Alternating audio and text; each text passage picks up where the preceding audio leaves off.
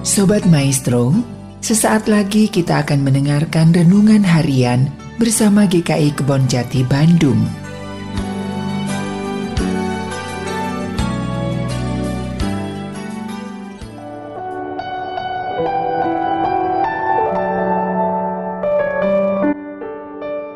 Shalom, salam sejahtera jemaat yang dikasih Tuhan.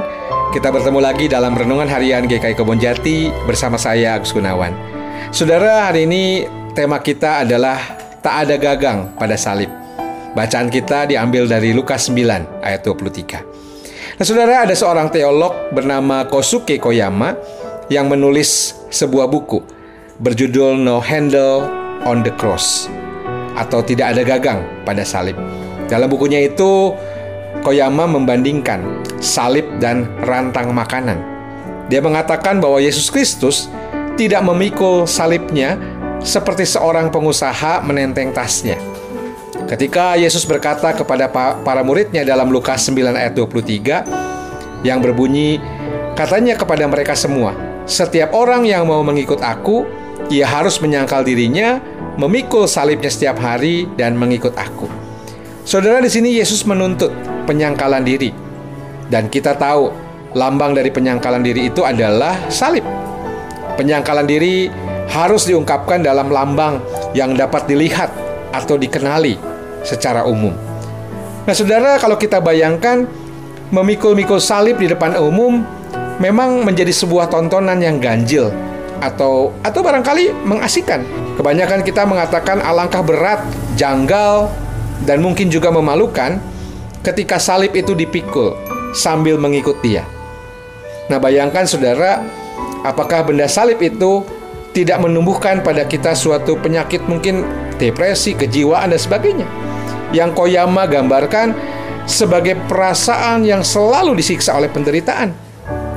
Apakah memikul salib membuat kita menjadi terlalu serius, terlalu gugup, terlalu perasa, terlalu emosional, untuk dapat melaksanakan hidup kita sehari-hari. Nah, cobalah saudara bayangkan kalau saudara harus memikul salib yang kita tahu itu berat, berada di pundak saudara, dan berjalan di belakang seorang yang lain yang juga punya salib di pundaknya. Dan kita berjalan berdua seperti di jalanan umum. Suatu arak-arakan yang unik dan juga bisa jadi menjadi sebuah tontonan yang mengasihkan tetapi pertanyaannya saudara Koyama dalam bukunya, kalau orang hendak mengikut dia, kenapa harus memikul salib? Kalau orang hendak mengikut Yesus, mengapa tanda dan lambangnya harus sebuah salib? Mengapa bukan rantang saudara yang berisi makanan saja? Atau tas kerja yang mudah ditenteng ke mana-mana?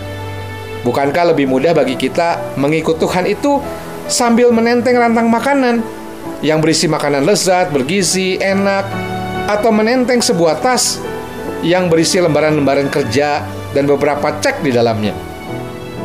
Maka itu salib adalah sesuatu yang sangat tidak menyenangkan untuk dipikul. Apalagi di dalam salib itu gak ada gagang, saudara. Kalau rantang dan tas punya gagang.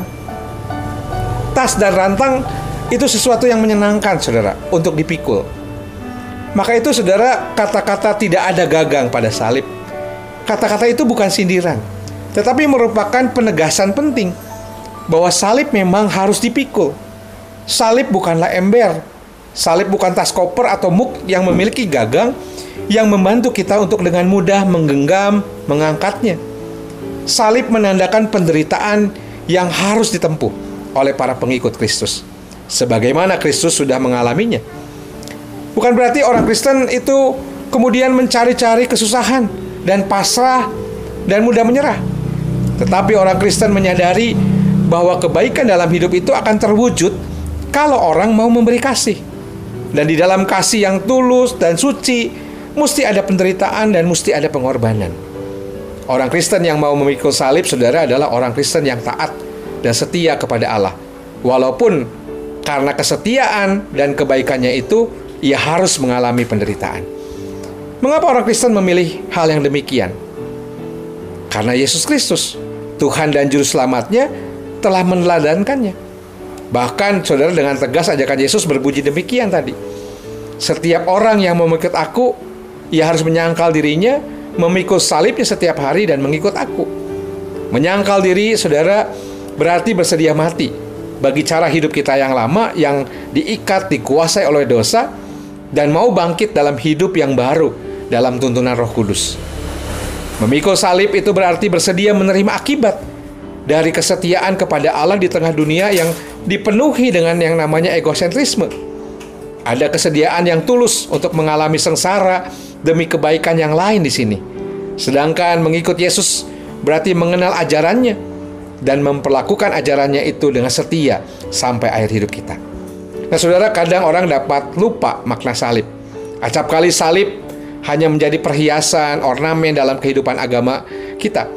Belum lagi jika ada orang salah duga tentang karya Kristus dan mengabaikan jalan derita Yesus dengan hanya menyimak dan menerima apa-apa yang menyenangkan dari Yesus, tetapi lupa juga untuk mengikuti jalan derita Yesus. Akhirnya, kehidupan beragama dan kehidupan spiritualitas hanya tertuju kepada diri kita sendiri dan kehilangan kasih dalam berbagi serta berjuang untuk menyatakan apa yang benar, apa yang adil dalam kehidupan ini. Maka itu saudara memasuki prapaskah kedua, kita semua diajak untuk menyangkal diri, diajak memikul salib setiap hari dan mengikut Yesus. Ada pepatah asing yang mengatakan no pain no gain. Artinya jika tidak ada upaya yang sungguh-sungguh sampai titik puncak derita, maka tidak ada hasil yang diraih. Sebagai orang yang sudah diselamatkan karena iman kepada kasih karunia Allah melalui Kristus, biarlah kita tetap menunjukkan kesetiaan kita kepada Kristus dan firman-Nya. Walau menghadapi derita sengsara sekalipun, sebab dengan menghilangkan cara hidup yang lama, saudara, kita akan memperoleh hidup yang baru dalam Kristus. Hidup yang akan selalu memberikan kedamaian bersama-sama dengan kebangkitannya. Dan pada saatnya nanti kita akan menerima karunia itu. Tuhan memberkati saudara. Amin.